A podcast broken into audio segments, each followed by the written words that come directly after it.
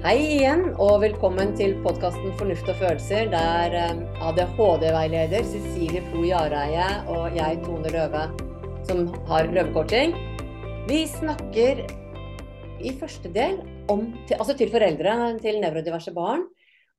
Hjelper dem til hvordan de kan håndtere hverdagen på en bedre måte. Og så i del to så snakker vi til coacher om hvordan vi vil coache de som kommer med sånne utfordringer til oss. Og i dag eh, igjen så har vi jo et uh, herlig tema. Et viktig tema.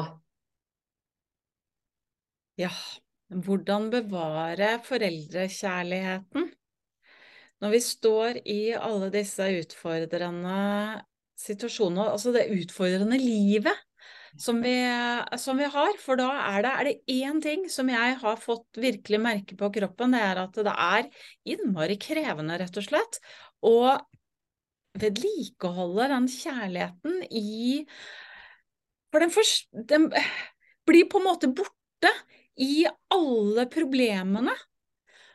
Og ja, og den, det blir jo et arbeidsfellesskap veldig ofte. Og jeg tenker det er jo en utfordring som veldig mange par står i uansett. Dette med å klare å opprettholde og vedlikeholde kjærligheten. Altså den eh, romantiske kjærligheten. Ja. Jeg, pleier, jeg, pleier, å tulle litt med at jeg har to eh, AS-er. Det ene er ADHD-veilederen, og det andre er eh, familie-AS-et.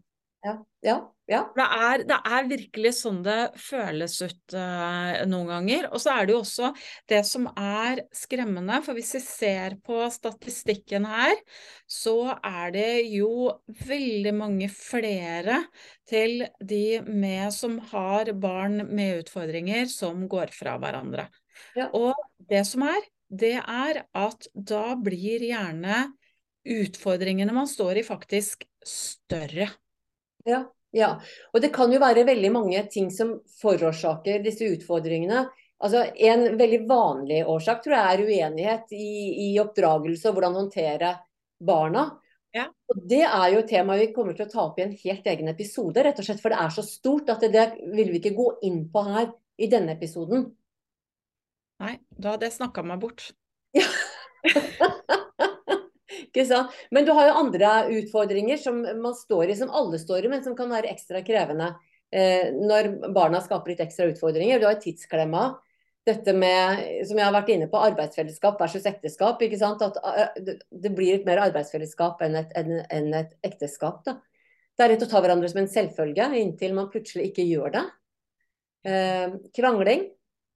Det er, man er ofte sliten, eller kanskje i dette tilfellet mer korrekt å si utmatta. Så det er jo mange grunner til altså, at, at, det er veldig krevende å være i et parforhold og, og ha ekstra utfordringer med, med, barn. Altså Parforhold er krevende uansett, og det er jo ekstra krevende med ekstra utfordringer. Så enkelt er det egentlig som det. Så, så da så er jo Jeg tenker at uh, det å eh, vite hva du trenger selv. Hva er det jeg trenger? Hva ønsker jeg meg? Ja. Det er så viktig å, å bli litt klar, klar på. Og så, og så, tenker jeg liksom hm, Vet jeg det egentlig? Ikke sant? Ja. Veldig godt innspill, tenker jeg. For jeg tror at mange ikke vet det.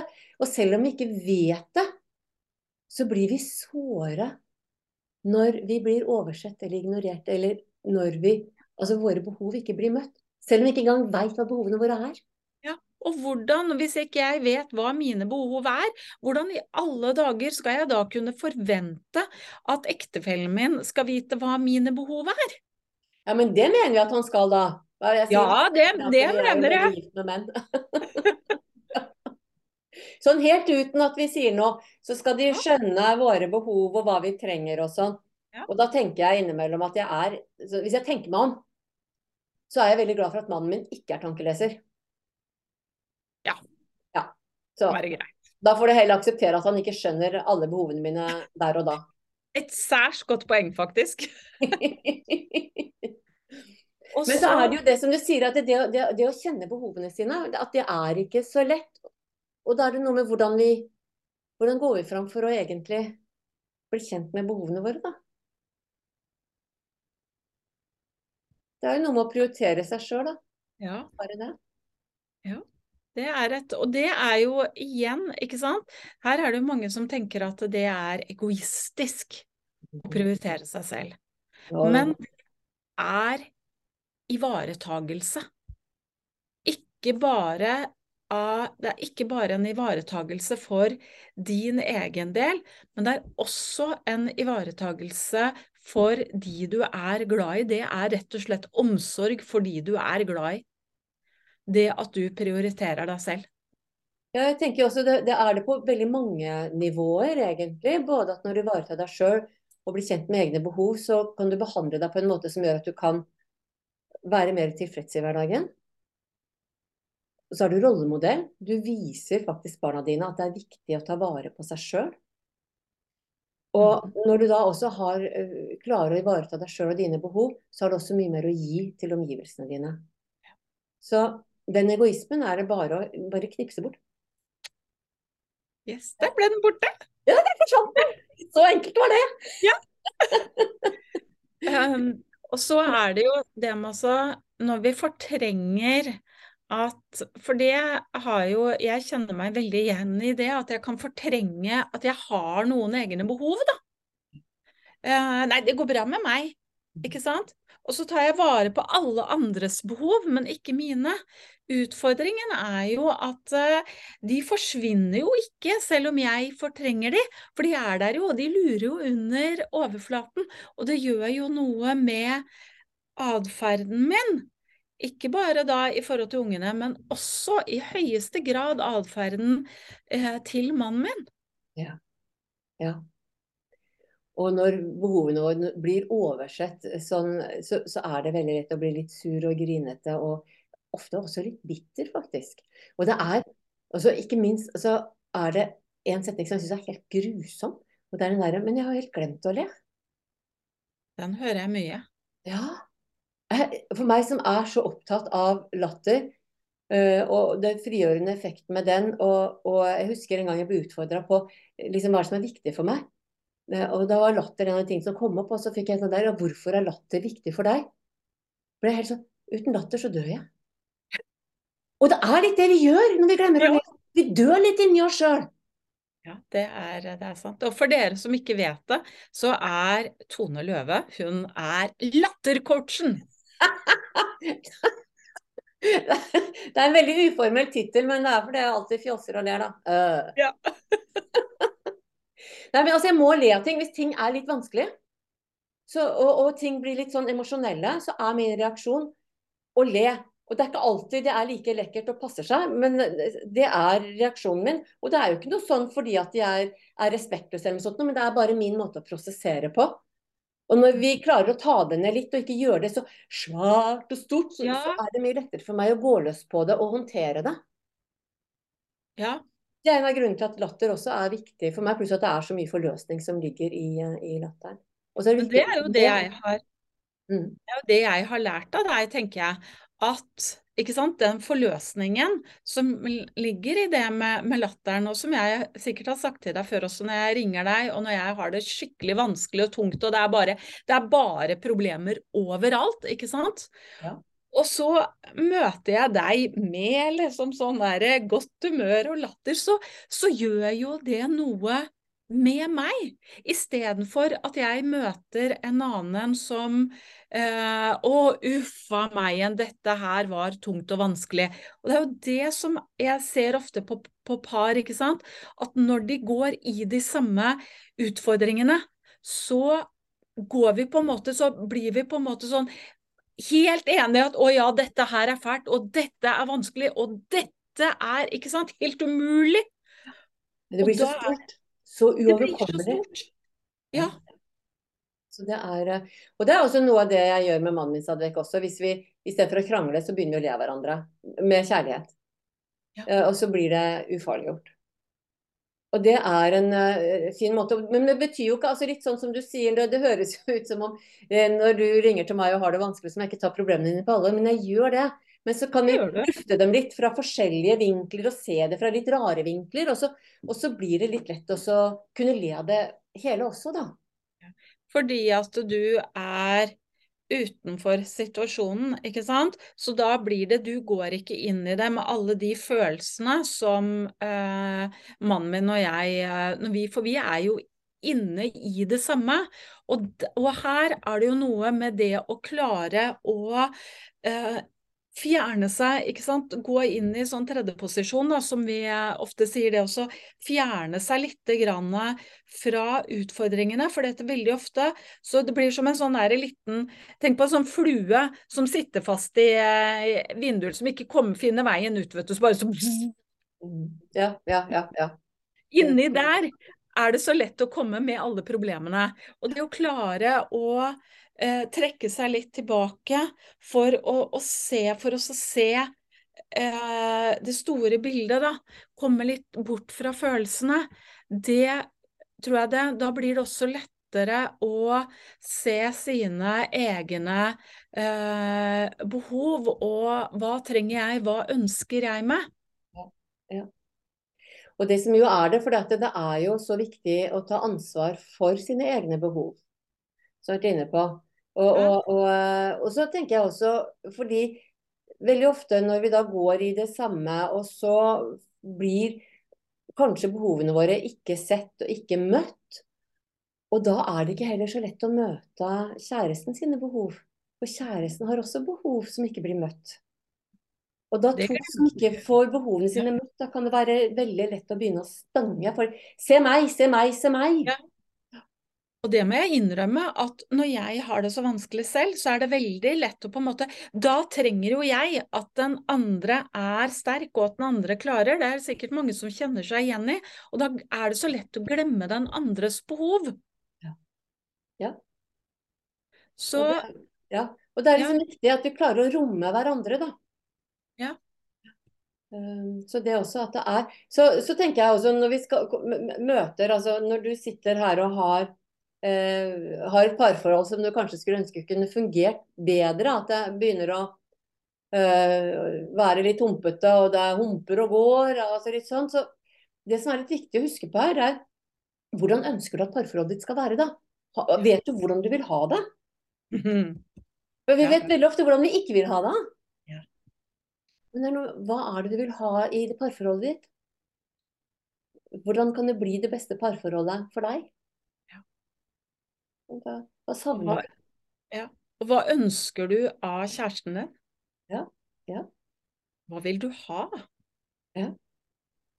Og så tenker jeg også når du ser på den eh, kjæresten din som du har hatt i en god del år, kanskje til frokosten hvis du har tid til det, litt bustete, trøtt, morgentrøtt, kanskje begynner å lappe seg noen kilo, og, og, og rynkene har faktisk begynt å, å komme på. Så dette, men når du ser på vedkommende, kan du gjøre med mannen min, liksom, hva liker jeg med han da? Det, det, spiller ikke noen rolle hvordan han ser hvordan han er. liksom sånn der, eh, Det er et eller annet med bare kjenne etter liksom, Hva er det jeg liker ved kjæresten min? Hva, hva, er det, hva er det jeg likte ved meg? Hva er det jeg falt for? Det kan du godt gjøre sammen også. Hvis dere finner et lite smutthull og, og, og, kan sitte og småprate litt en kveld uten at det er uh, masse bråk rundt, liksom. hva, hva, var det Og det gjør mannen min og jeg ganske ofte. Vi mimrer de første tida. Oi! Og det er veldig ålreit, altså. Ja, det hørtes ut Det er liksom sånn jeg tenkte når du snakker nå, så tenker jeg bare sånn Å, det føles ut som et annet liv. Ja, men det var jo det. Ja. ja. Men det er nå å finne tilbake til noe av det, for det er en eller annen gang så falt falt du for denne personen som du lever et parforhold med? Det var noe med vedkommende som tiltrakk deg. Ja. Og så tenker jeg sånn, eh, når vi, jeg kjenner bare sånn når vi snakker eh, om det, altså sånn der, så kommer det mange følelser av så mye sånn Mye savn, kjenner jeg. Ja. Ikke sant? Ja. Og det er jo naturlig. Ja, på det som Og det og Ja. Og det kommer vi inn på så, Hva er det vi kan hva tenker du at vi kan gjøre da, Tone, for å Ikke sant, når når vi sitter med dette her savnet, og alt bare har blitt uh, arbeid og traurig og Altså, alt dreier seg egentlig bare om disse ungene å komme og få den ungen av gårde på skolen og komme seg på jobb og lage middag og Ikke sant? Uff, hva, hva, kan vi gjøre for å, for å få en bedre relasjon? Ja, men det er jo, og igjen her så må det jo innsats til, og det er kanskje litt sånn voldsomt å si det i Altså når det er Hverdagen er sånn at man føler at det er ikke mulighet for noe mer innsats. Men det er, jo ikke, altså det er jo noe med å gjøre ting litt annerledes. Det er jo noe med endre tankesett igjen. Vi snakker jo hele tiden om å endre tankesett, endre tankegangen. Fra liksom den derre å samme gamle gubben eller kjerringa i dag også. Eh, så er det et eller annet med Altså, jeg, jeg, har en sånn derre eh, Du kan velge om du vil se på kjæresten din som Altså med hvilke øyne, da? Vil du se på det med den der samme gamle traurige, en dag eldre, og en dag nærmere ditten og datten og, og sånn? Eller vil du liksom se på det med sånn der wow, enda en dag som jeg får til å være sammen med deg? Mm -hmm. uh, og, og, et eller annet bare med å snu dette med hva, hva er det jeg likte hos deg? Altså bare, bare det den lille tankegreien vil begynne å gjøre noe annerledes. Og Det er heller ikke lett i en hektisk hverdag, jeg er klar over det. Men, men, samtidig så er det når du begynner å tenke annerledes, begynner å leite etter Istedenfor forske, nå ligger det der brødsmulen igjen på den der hersens fjøla. Så er det å tenke på ja, men hva annet har, har vedkommende gjort, da? Kanskje at det er den som har laga til frokost, eller smurt matpakke til ungene, eller Altså, man, man, gjør gjerne litt forskjellige ting. Og så tenker jeg jo altså, Så det er noe med istedenfor å leite etter alt som er feil, leite etter hva som er riktig. Og her vil jeg opp, her vil jeg stoppe opp litt, for her sier du så mye viktig. Og det er jo veldig ofte eh, det du sier der, Tone, det er jo det vi snakker om at vi skal gjøre i forhold til ungene.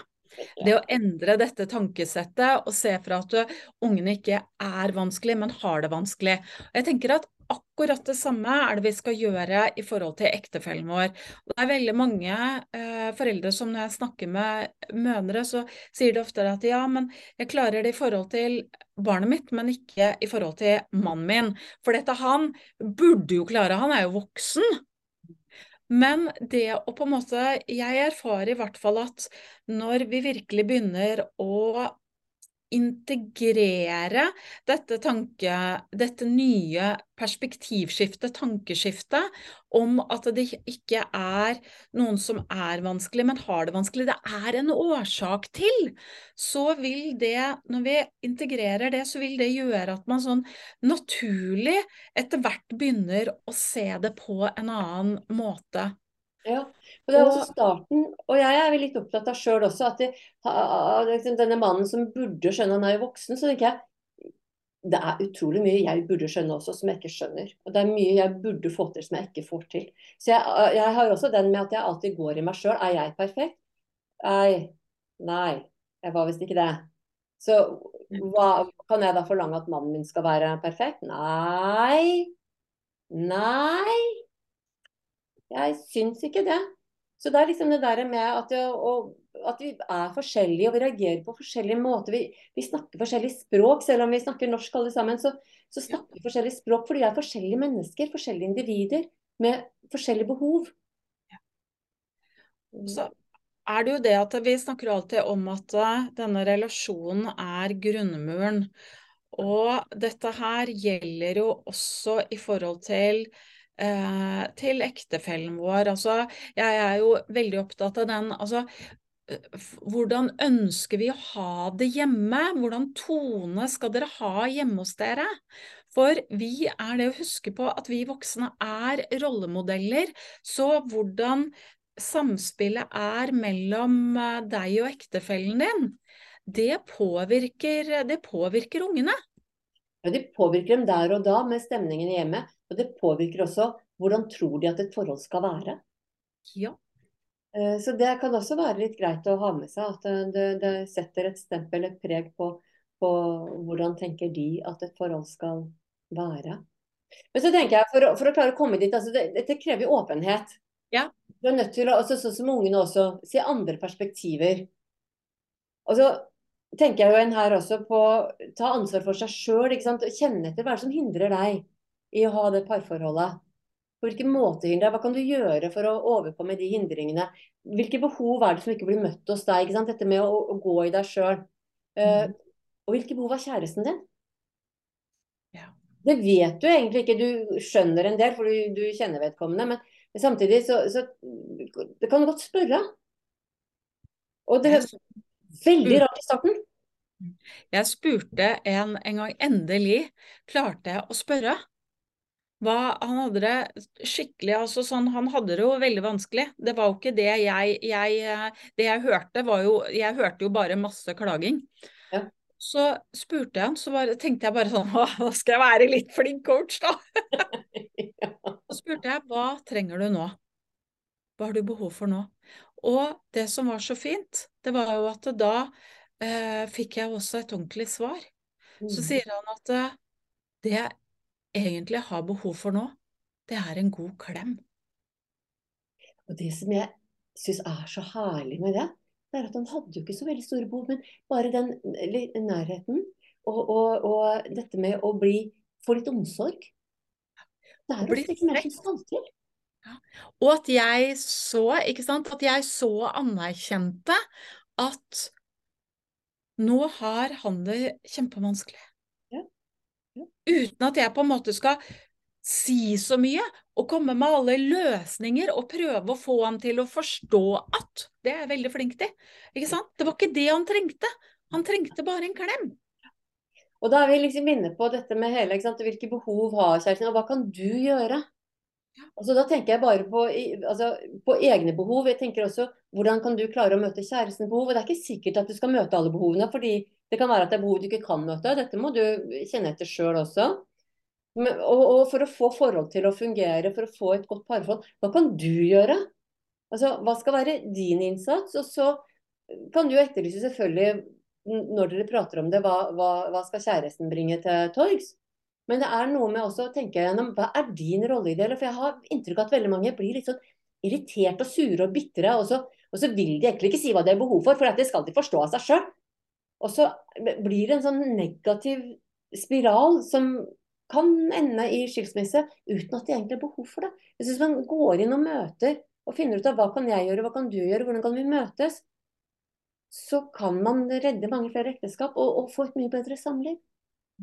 Da er det viktig å si at For dette jeg har på følelsen at altså Jeg har i hvert fall møtt noen som Når vi snakker om dette med behov, at eh, man liksom sånn da føler seg som et sånn offer, som at jeg er den svake, liksom. Men sånn er det jo ikke. For vi har alle behov. Og det å på en måte ikke sant, løfter opp ditt. Hva har du behov for? Hva har, hva har jeg behov for? Ja, så tenker jeg det er mye lettere å altså Når du ser behovene, og, og når du vet hva du har behov for, og ser at det ikke blir møtt, så, så har du Du trenger ikke bare å bli sur og gretten og føle deg sånn ignorert eller få masse negative følelser uten at du egentlig veit hva det er for noe. Da veit du hva det kommer fra. Ja. Og Det gjør at du kan finne en annen styrke og, og en annen kraft i det. Mm. Så, så, det er noe med å kjenne egne behov. Det finnes ikke noe svakhet i det. Det gir bare styrke.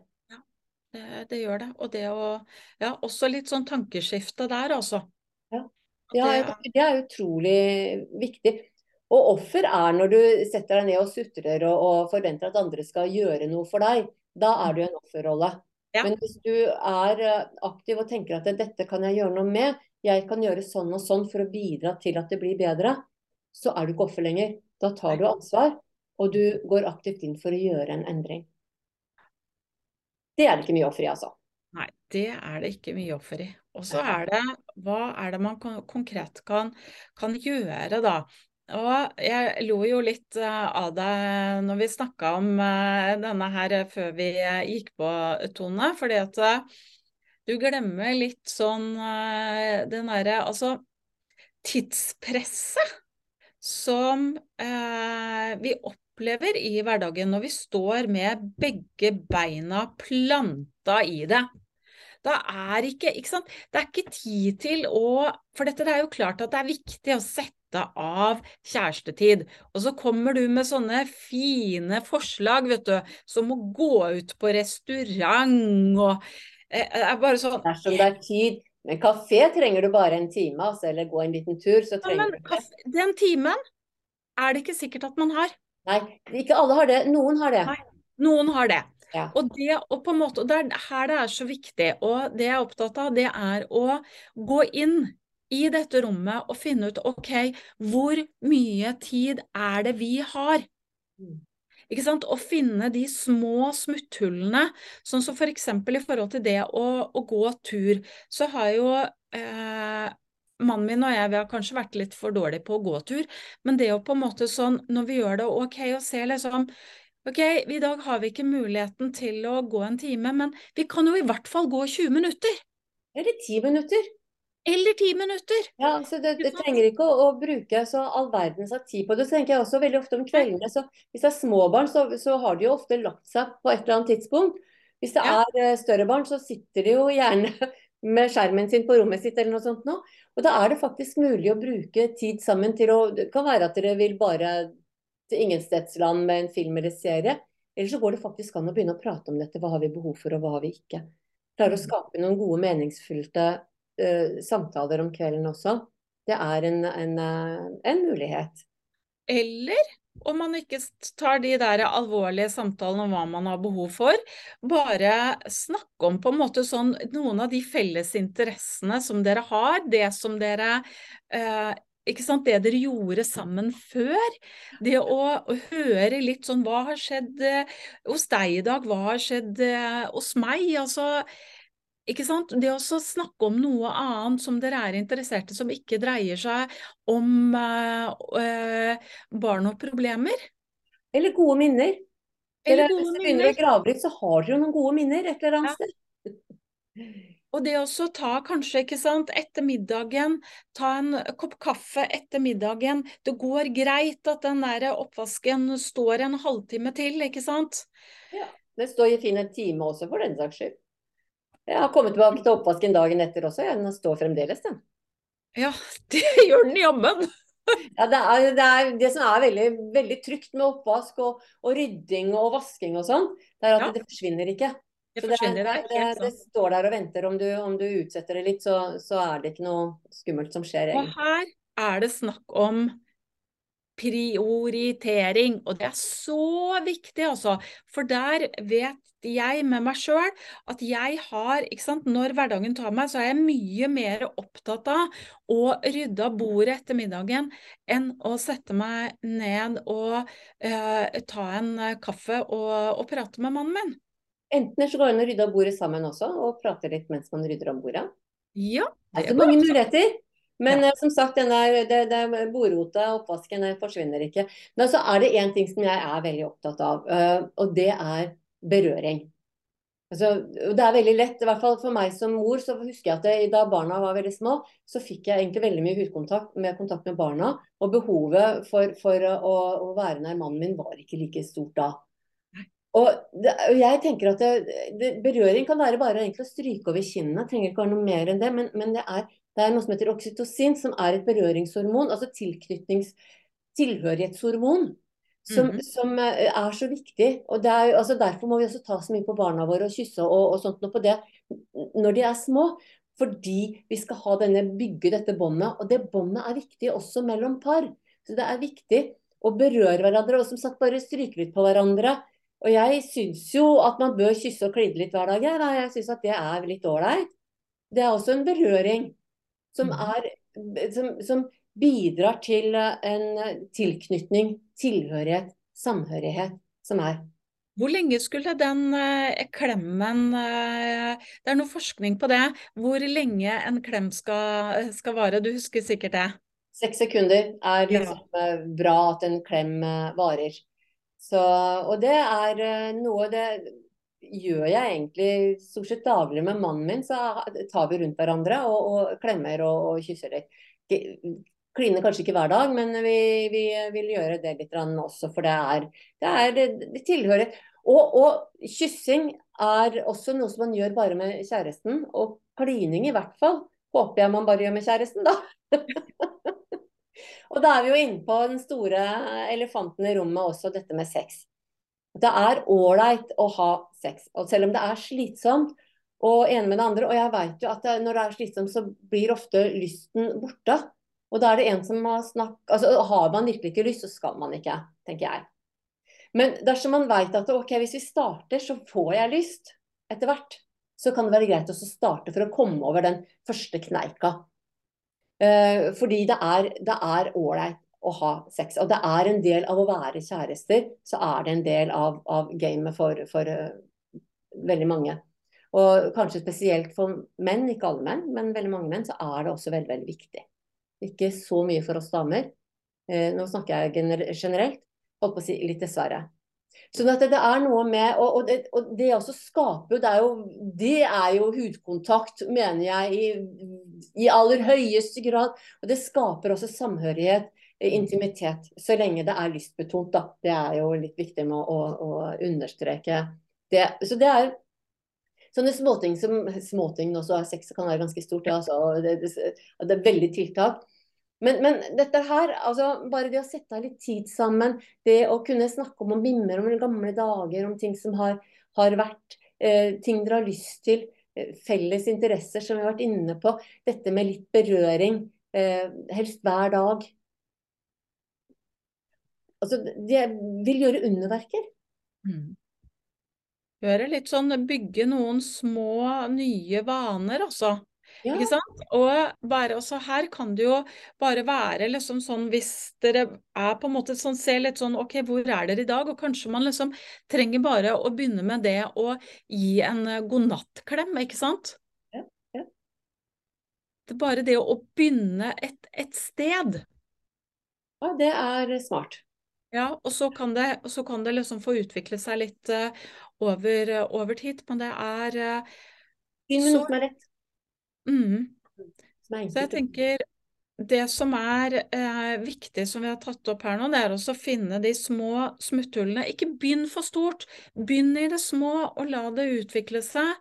Og det å Vi har snakka mye om behov, og det å ta utgangspunkt i sitt eget eh, behov istedenfor å gå inn i denne kritikken og sånne type ting, ikke sant.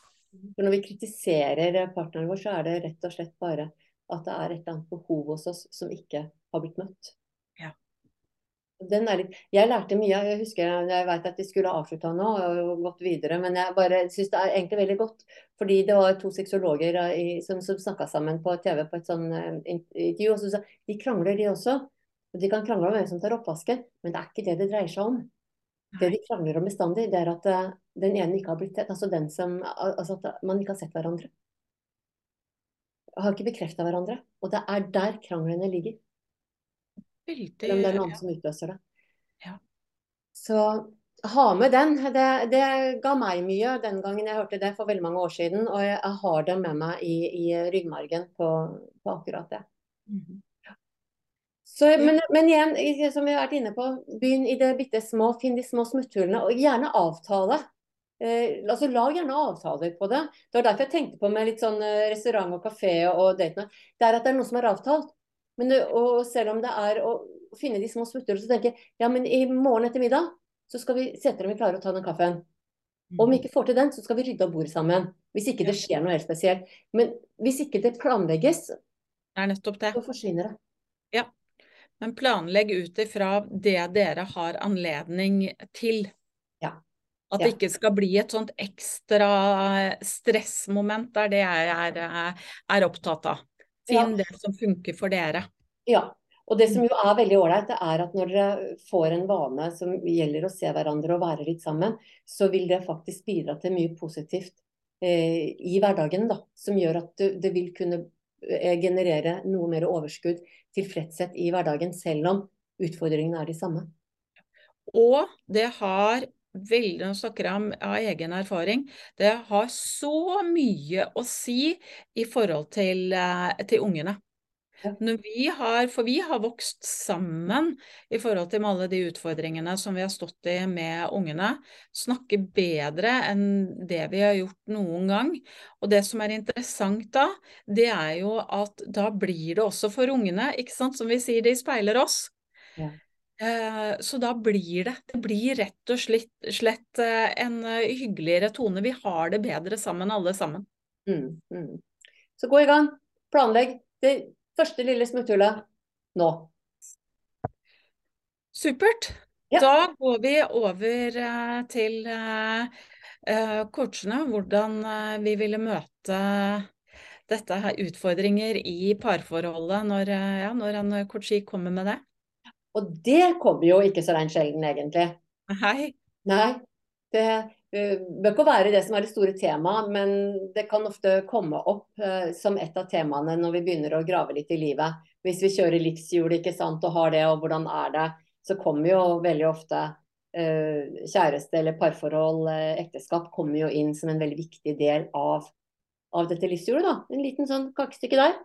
Og da hender det jo at ikke det ikke Altså det hender at ikke det scorer fullt, da. At ikke det er på en nier eller tier, men kanskje det er på en tier eller femmer. Og det er egentlig sånn uh, aha-opplevelse som jeg har gjort liksom Nå starter jeg, pleier jeg alltid å starte opp med livshjula, for jeg ser at det er så viktig for, for å liksom få se hvordan på en måte sånn hele livet er, for alt påvirker jo hverandre. Og for uh, da, da er det, som du sier, veldig ofte utfordringer i parforholdet. Og det er det én ting som har betydning for andre områder eh, i livet vårt, så er det jo det. Og det er litt sånn øh, bare en liten digresjon her i starten. For jeg husker jeg var coacha en, en uh, gründer som ville øke sin produksjon. Da. Han ville vokse. Og så syntes han nok at jeg var litt håpløs, så jeg begynte å grave i andre deler av, av livet hans. Ja. Og det kom jo faktisk fram at uh, etter hvert at det som hindra, det var jo at det var veldig krevende på hjemmebane. Mm. Så da han fikk rydda opp i det, så kunne han gå videre med, med, med voksinga. Men han hadde tillit til meg, heldigvis, for han skjønte ikke hva jeg holdt på med en stund. men, men, så resultatene i etterkant at uh, det var det som skulle til. Mm. Så parforhold er viktig uansett hva vi egentlig coacher på. Fordi ja. det er så viktig del av hverdagen vår. Mm. Men vi må jo gå videre sånn. Nå har vi vært Ja, dette her er vanlig. Mm. Så det Hvilke å... utfordringer er det i parforholdet, tenker jeg. Hvis ja. Hvordan er det et problem? Ja. Ja. Ikke minst. Grave, grave litt i hvordan, uh, hvordan er det dette her uh, ut, utarter seg.